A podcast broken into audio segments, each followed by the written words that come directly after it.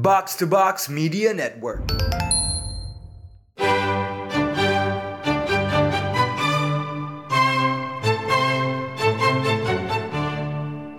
This is Cukup Menarik, a podcast by Raditya Alif and warga Bali, Pangeran Sian. Straight out of Canggu, yo.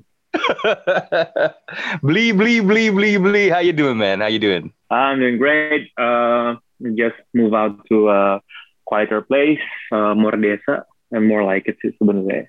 So, um, sebenarnya gue mau balik ke Jakarta sih soon. Soon nih, gue bakal balik lagi ke Jakarta. Tapi I think gue nunggu sampai ada kejelasan soal sebenarnya ini apa namanya status ppkm dan lain-lain ini kan uh, selalu diperbarui tiap minggu, right?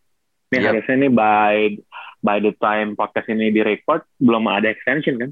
Coba undang-undang tuh amandemennya sebanyak PPKM ya. Uh, Iya iya iya. iya. Undang-undang dasar maksud lo kan? cuma cuma lu balik ke Jakarta tuh lu balik ke transit, man. Well, uh, this life is a journey, yo. So every once in a while, you make a stop, you make a transit, and then you move on. So anyway, Pang, eh ini kan lagi pick-pick Olimpik ya. Eh Mhm. Bali. Kan ada satu atlet tuh dari Bali ya, si Rio Waida tuh. No, Rio Waida ya. ya. Hmm. Itu kalau maksudnya kan secara general nih kita ngikutin bulu tangkis ya semua heboh ngikutin itu. Cuman kalau kalau di Bali specifically itu ada animo lebih nggak sih soal surfing atau biasa aja? Ini bukan bukan bukan orang surfing di laut ya, maksud gue uh, people following it.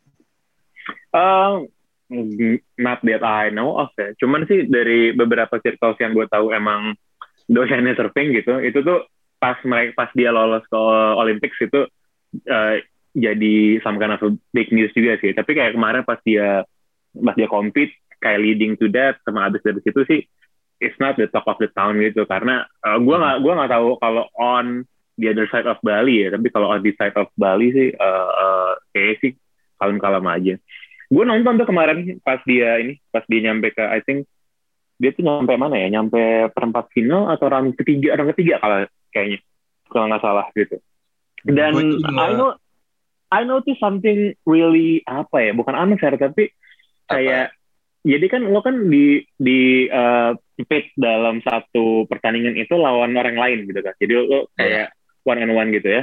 Udah gitu lo dikasih sekian uh, belas menit waktu untuk Mhm. lo bisa uh, untuk lo bisa riding the wave gitu Right. dan dan dan itu tuh sistemnya adalah uh, lo dapat priority jadi kalau ada ombak lo ya, yang dapat prioritas itu bisa riding wave duluan kalau Hmm. dia nggak ngambil baru diambil satu satunya lagi gitu Hmm. nah uh, dalam banyak olahraga memang faktor non teknis itu kan emang selalu berperan gitu ya tapi faktor non teknisnya surfing menurut gue itu besar banget karena tergantung ombak man Oh iya, I mean, gue juga pertama kali nonton. Ya, I think gue gue tuh nonton delay pertandingan dia yang kedua apa yang pertama ya. Pokoknya yang Hmm. dia tuh bisa masuk karena dia ada di top 3 ya.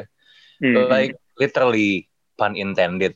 Itu olahraga banyakan cek ombaknya daripada naik ombaknya, men. Iya benar benar Iya kan? benar benar benar kayak kayak Nunggu, nunggu, nunggu gitu loh. betul jadi kayak pas sisa I think 5 sampai tujuh menit itu si Rio itu ketinggalan lumayan jauh gitu ya Iya. cuman kayaknya dari situ sampai abis pertandingan itu nggak pernah ada satu wave yang bagus lagi buat dia gitu jadi Iya. ya bener bilang itu apa olahraganya setengah surfing setengah cek ombak sih bener sih Dan I mean kalau kalau dipikir-pikir ya itu kan sebenarnya ombak yang datang kan juga nggak saklek ya. Dalam artian bisa aja di sebuah hari ombaknya itu lebih banyak daripada di hari lainnya kan. iya iya Kayak hmm. kan angin kan nggak ada yang nggak ada yang ngendalin men. Iya, iya. Selama ini kan kayak ini nih kayak eh, tadi kita baru nonton Ginting kan kalah gitu ya. Iya. Kayak gitu banyak yang bilang wah ini harusnya bisa didukunin atau apa gitu. Nah menurut gue kalau ada olahraga yang memungkinkan memberikan ruang bagi praktek klinik gitu, ya ini olahraga kayak surfing ini lah menurut gue tuh. Karena lo bener-bener lo harus bakar sajen lah, lo harus apa Iya. lo, lo kasih persembahan ke laut atau apa gitu biar oke bisa sesuai sama momentum lo iya karena kalau misalnya ombaknya eh, nggak datang sesuai dengan dengan harapan dan juga sesuai dengan sesuai dengan momentum lo sejago apa pun lo lo nggak akan bisa menang man. ini menurut gue kalau ada ruang untuk permainan klinik menurut gue di surfing sih buat orang Indonesia cocok nih kayak ini hmm. Iya, atau misalnya kan kalau orang Indonesia itu pakai senjata kita tiap kali mau bikin pensi, Bang. Pakai pawang hujan gitu. Cuman Pawang kan hujan. biasanya kalau pawang hujan kan dia sangat eh, sangat kontras ya dalam artian cuman hujan atau enggak gitu kan. Hmm, hmm. Nah, kali ini pawang hujan itu bisa lebih spesifik sedikit gitu loh kan kayak oh, ini nggak sampai hujan tapi cuma sampai berangin sedikit misalnya gitu loh. Hmm. Mungkin Nah. ini bisa mau bisa membuka sektor kerja praktek paranormal baru sih, pawang ombak.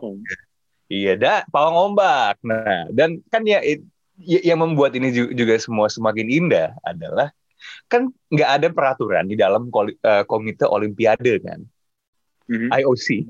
Lu tanya Thomas Bach gitu, Hmm. apa iya misalnya kalau ada percampuran klinik gitu bakal melanggar ketentuan dari komite olimpiade? Kan enggak kan? Ini kan Enggak, jalur yang berbeda dengan doping misalnya. kayak Rusia yang sekarang mesti ganti nama aja jadi ROC lu tau gak sih tiap kali itu gue lihat gue tuh yang terpikir sama gue Jay Z tau gak sih gue ju- gue juga sama Jay Z sama. like Rockefeller Throw your diamonds in the air. wave them like you just don't care oof oof gitu ROC itu eh, apa namanya itu gue kan emang tahu kita tahu bahwa orang Rusia itu kan salah satu bangsa paling ngehe di dunia ini ya. Jadi kayak they uh, they they tend to have a different perspective in life. They tend to finesse things Mhm. gitu, and they tend to find their their way around a lot of things lah. Gitu. Menurut gue, ini mereka bikin ROC dan bisa lolos dan dan bisa compete. Bahkan gue kemarin baca tulisan yang bilang bahwa actually atlet ROC itu sekarang lebih banyak dibandingkan dengan atlet Rusia di Olimpiade sebelumnya. Padahal ini mereka compete pakai bendera eh, eh, mereka compete pakai bendera ROC ini kan gara-gara gara-gara gara-gara Rusia nggak boleh ikutan tanding karena ada eh, praktek doping yang Ya. didukung oleh negara gitu kan. Nah, betul makanya nah tapi emang the fact that they're in the Olympics uh, semua orang including announcers including uh, orang-orang yang ngomongin atau nyebut mereka dari mana berasalnya yang mereka kadang-kadang emang nyebutnya emang cuma Rusia aja gitu instead of Russian Olympics Committee so uh, emang nggak ada impact dan nggak ada dampaknya sama sekali sih perbedaannya cuma nggak ada bendera doang kan bendera sama lagu yang dimainin Eh, yang dimainin tuh Tchaikovsky one of the Hmm. one of the classic songs gitu yang mana gue Iya, nggak iya. tahu I mean gue tuh nggak tahu satupun lagu Tchaikovsky ya jadi kalau misalnya ada yang notice ya oke bagus so you're a classic music snob gitu kan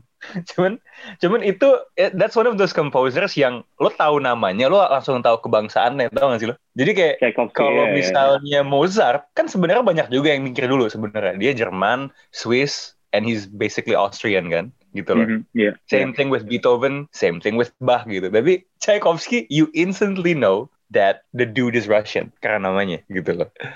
Um, cuman again di dalam kasus itu ya kita ngelihat bagaimana sebuah negara essentially bisa itu kan kayak lu manfaatin loophole nggak sih? Kayak lu bisa ganti nama lu, and then eventually juga orang tetap tahu itu itu Rusia gitu ya. Mungkin ke depannya Ini- malah udah pernah dilakukan sebenarnya sama Indonesia dalam konteks partai politik. nah partai politik kagak lolos electoral threshold kan dulu biar bisa ikutan lagi gitu, karena Hmm. itu kan mereka harus bikin baru ya. Ya. Nah itu biasanya namanya ditambahin dikit atau namanya dibolak-balik kayak contoh misalnya dulu tuh Partai Keadilan pas baru berdiri itu 2000 berapa? 2004 kayaknya mereka nggak lolos threshold. Terus mereka comeback dengan nama Partai Keadilan Sejahtera gitu kan, Yes. jadi PKS gitu.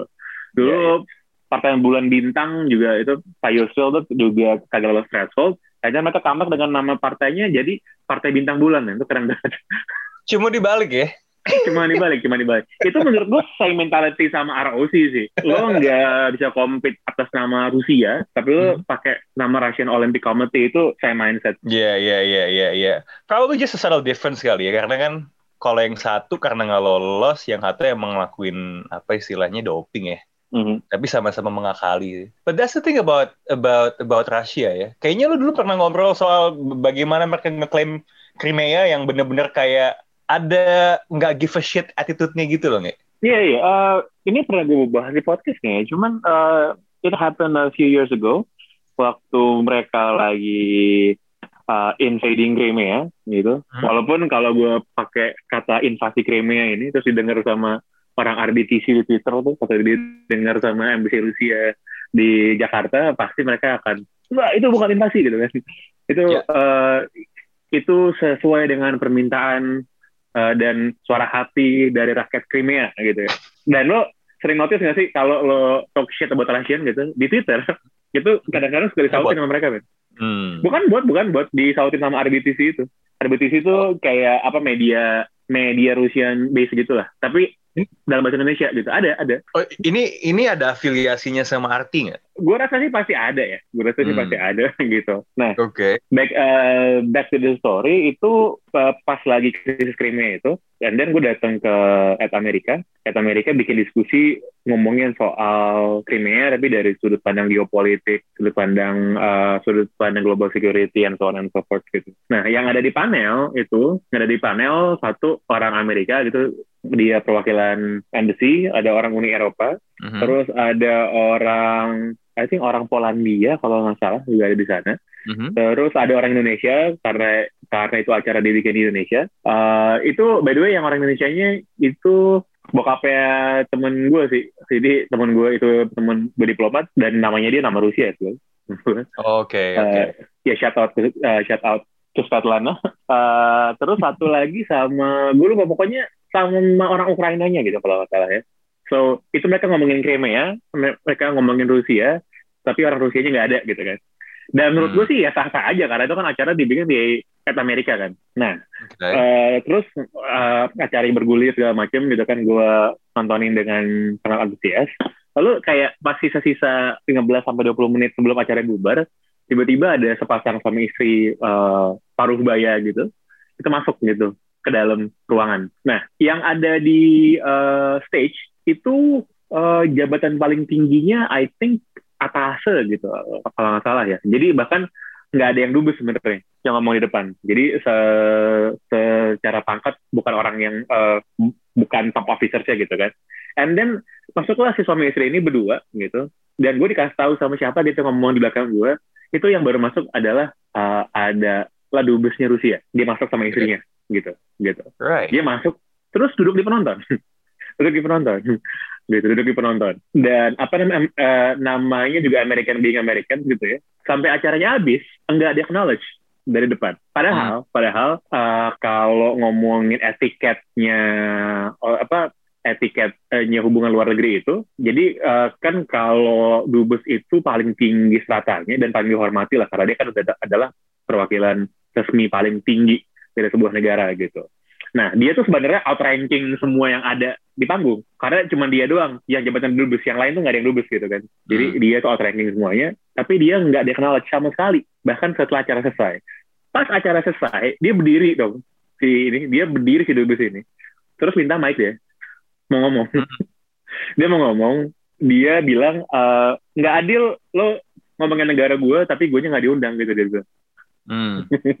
terus dia ngomong lah kayak 5 sampai sepuluh menit gitu memberikan pandangannya dia. Suasananya lumayan tegang sebenarnya gitu. Iya. Yeah. Suasananya lumayan tegang and I think waktu itu uh, karena hostnya Amerika itu kan karena itu di, di bikin di Amerika menurut gue emang menurut gue emang ada emang ada kurang ajar sih.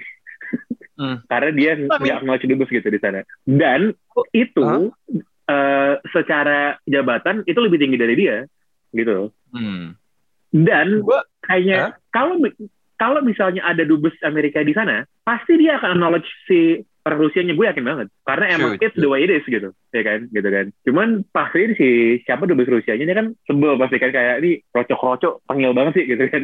Karena dia ngomong, hmm. dia ngomong gitu. Terus gue uh, tadinya mengira bahwa akan ada perdebatan yang terjadi, tapi kayaknya karena waktu udah habis dan juga untuk meredam tensi, jadi akhirnya setelah ada setelah ad, setelah ada rebuttal 10 menitan itu dari dubes Rusia itu kagak ditangkepin sih. And then acara bubar aja and then they walk out gitu si sama istri dubes Rusia ini. Ini lo ini ya menyaksikan uh, konflik internasional antara dua kekuatan dunia di Amerika ya di Pacific di, Place ya? di, di Pacific Place ya di iya. Pacific Place gitu. Nah, cuman I have, I have a lot of questions about this event ya. Satu ya, kok at Amerika kan harusnya menjadi tempat ya, I mean hate it or love it gitu. Ada ada masanya gue pas zaman kuliah kadang-kadang kalau gue nggak ada bingung mau ngapain, I would go to di Pacific Place. Gue ke sana cuma buat nyobain alat alat uh, dia kan punya kayak satu simulator peta Google gitu loh. Yeah, Jadi yeah. gue gue suka make itu sebenarnya buat napak tilas nih. I would go hmm. to America out of all places terus ngelihat tempat gue tinggal gitu. Tapi that's beside the point. Kok dia kan biasa kan kalau bikin event di situ kan nonton Super Bowl atau misalnya hmm. uh, uh, cara mendapatkan beasiswa uh, dan berkuliah di Amerika. Kok dia bisa tiba-tiba malah ngomongin soal isu uh, sovereignty yang sebenarnya nggak ada hubungan langsung. Ya pastinya Amerika punya pandangan soal itu hmm Tapi kan mereka tidak terlibat secara ya sekutu NATO-nya misalnya Ukraina ya gitu. But kok mereka bisa ngelakuin sesuatu yang secontentious itu ya? Dua, dua terlepas dari ketiadaan etiket, kok gue malah ngerasanya si dubes Rusianya nih yang sangat I mean, that's an alpha move gak sih? Iya dong. Very man, sangat, sangat banget. Kayak Karena lu gak ada, lu gak He doesn't have to go there, dan dia yeah. outranking semua orang yang ada di sana dia masuk tuh nggak uh, bahkan nggak pakai pengawal kagak pakai security ah nggak ada orang yang bersih yang kan? nemenin dia protokolnya kagak ada nemenin dia dia masuk aja sendiri sama istrinya tuh kayak itu menurut gue Russian balls banget sih nge, nge, dan dan lu tahu gini first of all ya kalau dia datang tanpa diundang ya kan kita nggak tahu juga nih lo kan pernah ke at Amerika lo tahu security-nya yang berlebihan kan yeah. kayak yeah. lo harus taruh tas jadi lu bayangin yeah. deh ini orang tertinggi dari bangsa Rusia di Indonesia. Hmm. Dia datang melalui metal detector, dia dicek. Mungkin hmm. security nggak tahu dia siapa nyet, tapi dia tetap ya. masuk aja. hmm. Hmm. Kan bahkan lu nggak boleh bawa tas masuk kan? Nggak boleh, nggak boleh. Nggak boleh. Lu, lu pengen uh, mungkin uh, bininya gitu naruh handbagnya di dalam di dalam laci transparan hmm. Amerika gitu, hmm. terus masuk. Menurut gue sih itu boss move banget sih. dan dan dan apa namanya uh, gue juga cukup yakin itu kan pasti dia akan ngirim report gitu kan akan ngirim report back ya. to Kremlin gitu kan dia, hmm. dia tuh ngapain gitu hari itu gitu gitu kan gue rasa dia pasti uh, ngomong gitu kan uh, apa dia merasa I had a duty to the motherland to stand up hmm. for the mother Russia gitu di Jakarta gitu kan hmm. so iya sih itu itu itu itu gue uh, kalau kalau ada satu negara gitu, ada satu bangsa yang dubesnya bisa berkelakuan kayak gitu, gitu, yang sangat kuat kayak gitu, ya Rusia sih menurut gue. Hmm. Lo tuh ini gak sih dulu House of Cards lo nonton sampai season berapa ya? Sampai habis nonton gue. Lo lo inget bagaimana mereka uh, presiden Rusia di serial itu di depiksi gak sih? Iya iya iya. Di season 3-nya kan bahkan kan kalau dia kan ke White House ketika berkunjung and he just Iya dimatiin rokok di tembok gak sih? Di tembok, bininya si presidennya dicipok, Cipok, pas iya, lagi iya, joget-joget, iya. apa kayak maksud gue yang lo ceritain tadi itu mirip sebenarnya gitu loh, kayak ketika lo lebayin ya jatuhnya yang di House of Cards gitu, so turns out fiction reflects reality in that case gitu loh. Iya, kalau mau ngomongin soal mental sama budi pekerti bangsa itu ya, Iya, ya, hmm. menurut gue budi pekerti orang Rusia itu emang kayak gitu. Dan itu udah ter sudah terinstall di dalam diri semua orang. Jadi lo mau lo jabatannya apa, baik lo orang government atau bukan, gitu, ya lo emang kayak gitu sih. Iya, yeah, they they really don't have a inferiority complex. Gak ada, gak, gak, gak ada sama sekali. Gue inget siapa cerita sama gue Indra kalau nggak salah cerita sama gue pas dia di Rusia. Terus kan dia bilang, sebelum pesawatnya landing, jadi hmm. pas pas masih baru mau landing nih ya, jadi masih mid air gitu. Itu orang-orang katanya udah pada nyalain HP buat mesen Uber, men.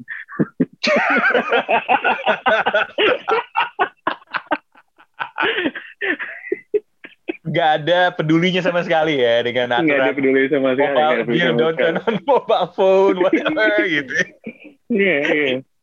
Dan dan dan dan gue merasa memang kan kalau kayak kita gitu kan uh. kita kan tumbuh dalam iklim referensi budaya pop mau uh, yang sangat sangat westernized kan gitu hmm. American nusa apa namanya American sama very British minded banget gitu Eropa lah gitu nah hmm. uh, sedangkan ketika kita bertemu dengan orang-orang yang memang yang memang values-nya secara reference dan pop ini beda gitu ya jadi orang Rusia Yeah. Atau Hmm. orang Cina misalnya PRC gitu kan benar-benar berbeda style Yeah. kita kan itu memang kita jadi sering gara-gara kepala sih ngeliatnya gitu pasti sih Mhm.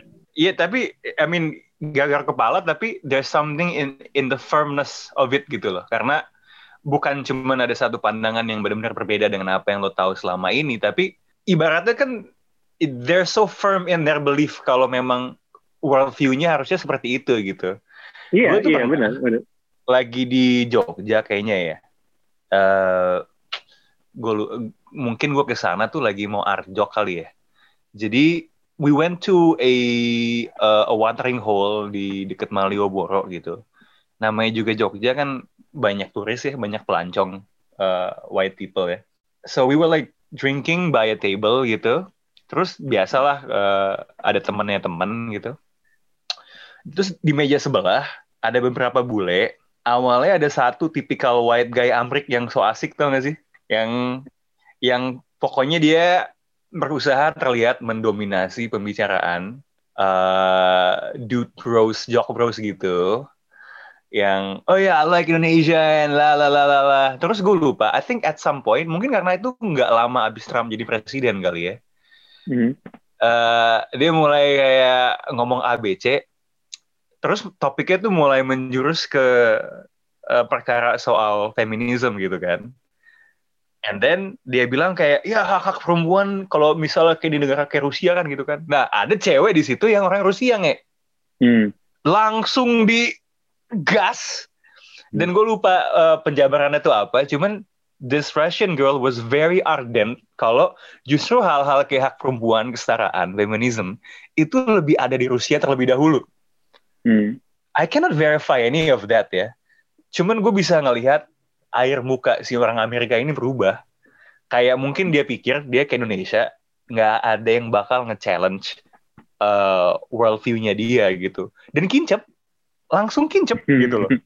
Kayak bener-bener emasculated gitu dengan satu cerita dari perempuan Rusia ini gitu. So apa ya? Um, even with the ladies man. Alpha alpha alpha alpha. Gue gue inget eh, dulu nyokap gue tuh kan pra- praktek di Kelapa Gading ya rumah sakit di Kelapa Gading gitu. Uh, Terus gue dulu kalau nemenin kalau gue lagi nemenin nyokap gue gitu ya karena dia sementara kerja gue suka jalan-jalan sama supir gitu kan. Jalan-jalan ke ya Jakarta Utara gitu lah. oh, lu belajar sama supir Sama sama supir nyokap. Sama gue pakai. Ini ini pas zaman gue masih SMA gitu apa baru masuk kuliah gitu. Nah, sama supir pas SMA pangeran pangeran emang pangeran terus, terus. Terus gue tuh one, one time gue pernah lihat kayak di eh, Kelapa Gading itu, tapi bukan di ini ya, bukan di Boulevardnya ya. Dia tuh yang arah ke belakang, eh, yang rumah sakit Mitra gitu-gitu lah. Jadi Hmm. agak di sampingnya. Gue melihat di depan gue itu ada serombongan pelaut Rusia. Gue tau mereka pelaut karena mereka pakai baju pelaut oke dan ada huruf Sirilik gitu. oh ya ya ya Nah, menurut gue kalau udah ada pelaut yang pakai huruf Sirilik, walaupun yang pakai Sirilik bukan cuma Rusia, tapi cuma Rusia doang lah yang kira-kira gitu. nggak mungkin Georgia gitu ya Nggak, nggak, nggak mungkin. nah, eh, apa namanya? Ini mereka kayak jalan gitu, kayak 12-15 orang gitu. Jalan Ah. dengan baju Popeye kan basically kan. Kosong pelaut warna putih gitu. Itu lengkap dengan Mantap. apa namanya lengkap dengan topinya Hmm. gitu. Jalan-jalan di Kelapa Gading, men. di jalan raya gitu. oh oke di Boulevard gitu ya itu coba itu menurut mereka mau ngapain coba karena gue yakin betul bahwa kapalnya mungkin sedang bersandar di Priok gitu ya kan hmm. bersandar di Priok gitu terus nanya eh kita mau ke mana nih gitu kan terus Hmm. akhirnya, akhirnya mereka memutuskan untuk jalan-jalan di Kelapa Gading karena ini masih siang ya bukan malam kalau di kalau malam mungkin mereka ada di kota gitu kali di Mangga Hmm, Besar hmm. gitu tapi kira-kira Iya, iya, siang itu iya. mereka jalan di Kelapa Gading gitu nah Hmm. gue sampai sekarang gue nggak tahu sih. Gue kadang-kadang kalau keinget gue masih suka bertanya-tanya kira-kira itu mereka ngapain? Di Kelapa Gading gitu? Mereka makan apa? Belanja apa? Gitu kan. Hmm. Eh, dan eh, apa yang mereka pikirkan gitu pas eh, pas mereka lihat Jakarta. On the other hand gue pernah baca berita di Jakarta apa di mana gitu ada kru Sukhoi kalau nggak Mhm. salah Sukhoi ya yang Hmm. lagi ngerakit Sukhoi gitu di Indonesia. Itu keracunan alkohol men gitu. Pasti kan mereka bilang lo kasih gue minuman yang paling keras gitu di sini apa? Gitu kan. Pasti. lo pasti, dikasih pasti. ada kan apa campuran autan atau segala macem. Keracunan kan Ma- mati kalau nggak salah itu Oh beneran sampai tewas. tahu hal tewas ya. Iya iya, coba coba jadi gue google ya. Oh, gue lihat dulu. Tapi itu sesuatu yang ini ya, maksud gue sangat stereotype sailor gak sih? Ya either kalau dia datang ke sebuah, kalau dia bersinggah di sebuah pelabuhan itu ya, ya yang dicari pasti is sex and drinks gitu kan. sex and drinks kayak kayak kayak, kayak, oke nih gue udah lama di laut nih untuk sekian abad, gue butuh kebutuhan hewani gitu kan. Iya. Dan gitu. ini ini Eh, actual actually beritanya dari tahun 2010 karena Oke. eh, gue baru google markas besar Ke- kepolisian Republik Indonesia menyatakan bahwa kematian tiga orang teknisi pesawat tempur Sukhoi di Hmm. Makassar, oh di Makassar ternyata, akibat Oh. keracunan spiritus. spiritus, right? spiritus, beda. like, you know, kayak bahkan levelnya itu lu minum sesuatu yang nggak harusnya lu minum, ya kan? bener, bener, iya, iya. Makanya mereka pasti kan dia kasih sesuatu sama orang lokal gitu kan. Mereka Hmm. bilang, apa nih nggak nampol, gue butuh sesuatu yang lebih keras gitu kan, pasti kan. Hmm. Kan? Spiritus, Ben.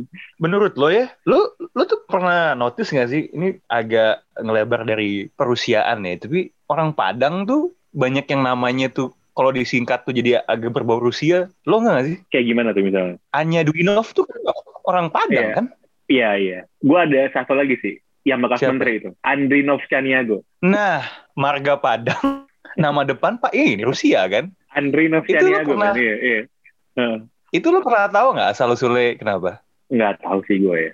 Tapi Oh. memang oh, gue melihat ada generasi yang namanya tuh emang nama Rusia, men. Lu lihat Nah. ada orang-orang yang namanya Boris kan, dan banyak gitu orang Yes. yang namanya Boris. I have a friend Ah, Iya. who lives Ada yang namanya- Priuk namanya Boris. Ada yang namanya Yuri. Itu, itu juga ada Ya. beberapa gue tahu. Hmm. Uh, gue dulu punya teman SMA namanya Dimitri. Gue punya temen SMP namanya Anatasov Padang. Ya, again sama yang kayak tadi, so gue punya teman juga namanya namanya Svetlana kan, gitu. Yes. Uh, jadi saya memang sempat ada Russian fever kayak ya di Indonesia tuh. Ada Hmm. generasi yang kayak gitu. Apa itu dulu karena ini ya? Apa karena udah bosen dengan nama yang berbau barat ya? Eh, mungkin kali ya, mungkin kali. Cuman kalau gue melihat, mungkin dirasa juga bahwa nama-nama Rusia ini ya bukan nama-nama ini, bukan Christian name tau gak lo? Hmm, apa dong? Orthodox name gitu. Iya, jelas nama Rusia aja gitu kan. Kan kalau kan lo nggak mungkin kalau nama lo kalau lo bukan Kristen udah gitu nama lo kayak Johannes gitu kan, John gitu atau Paul gitu kan nggak mungkin kan.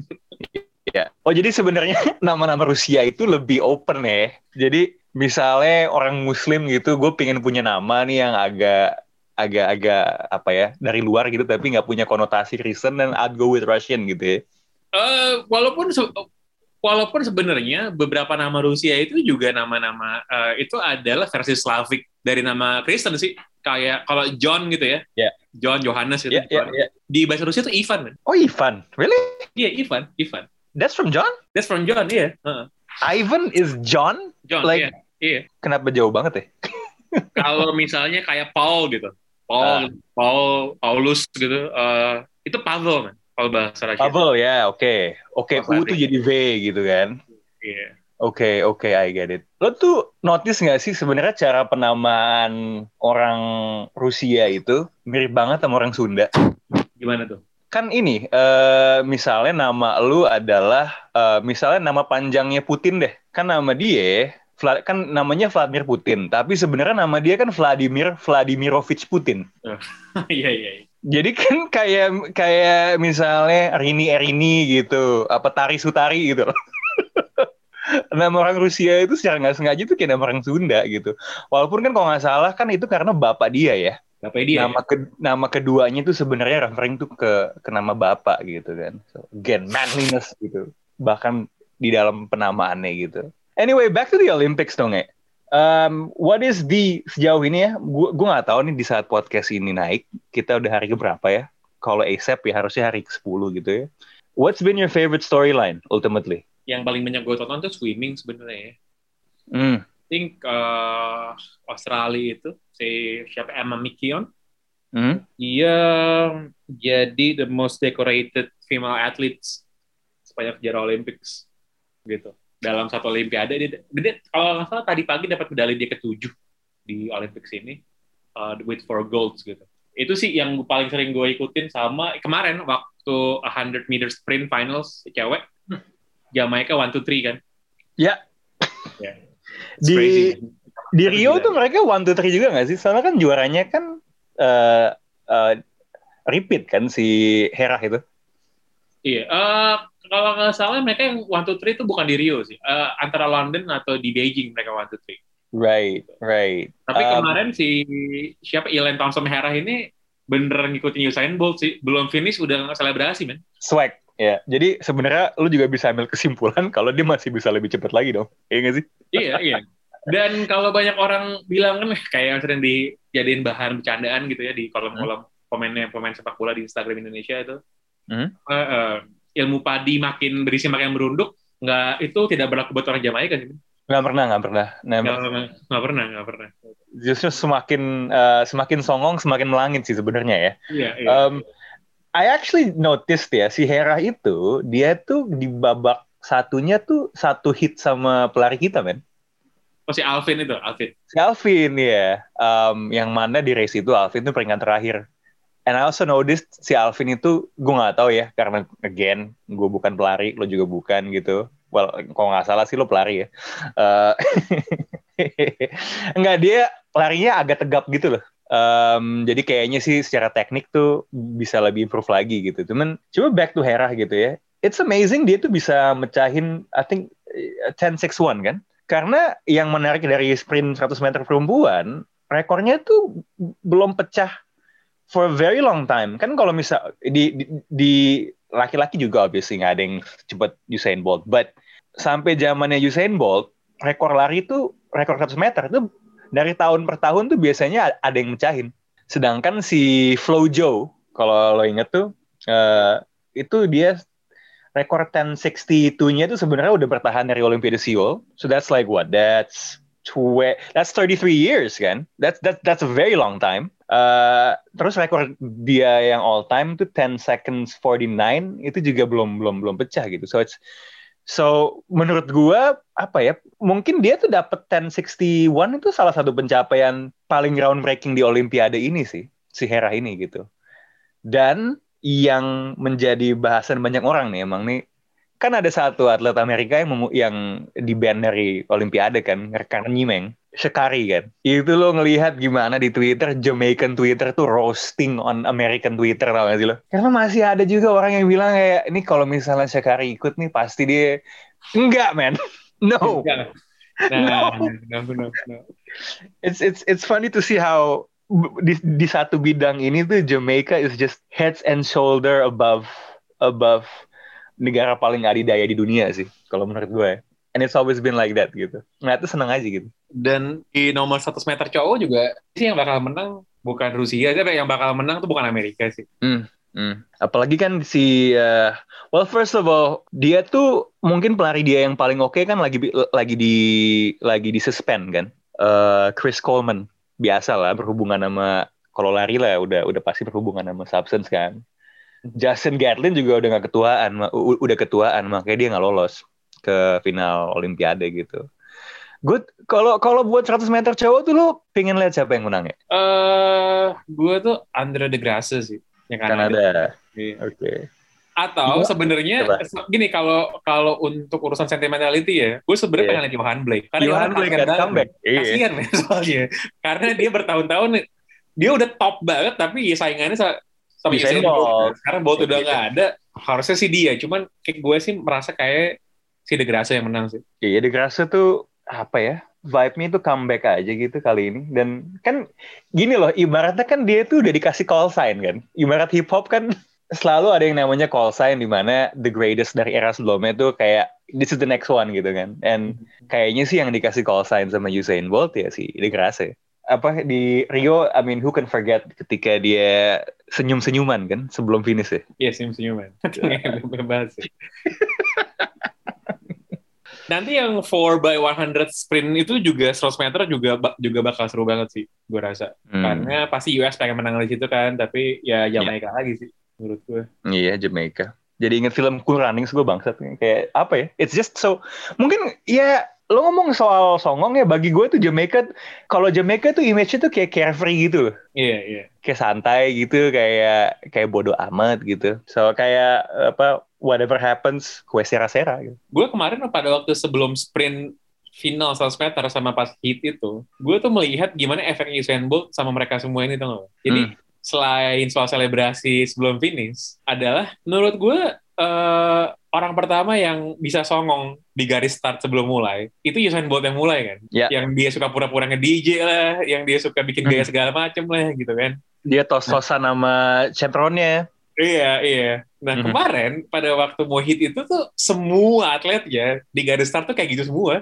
Hmm, hmm, Kayak hmm. bener-bener slow aja semuanya gitu. Gue gua nggak inget di zaman sebelum Usain Bolt itu, itu orang-orang sesantai itu di garis start. Biasanya kan tense banget kan. ya ya dikompres but, but I mean when the guy doing it is the goat ya probably there's a method to the madness juga sih gitu loh. So eh ya nggak kaget juga sih gue kalau misal orang Jamaica ngelakuin itu based on eh, apa suri tauladannya gitu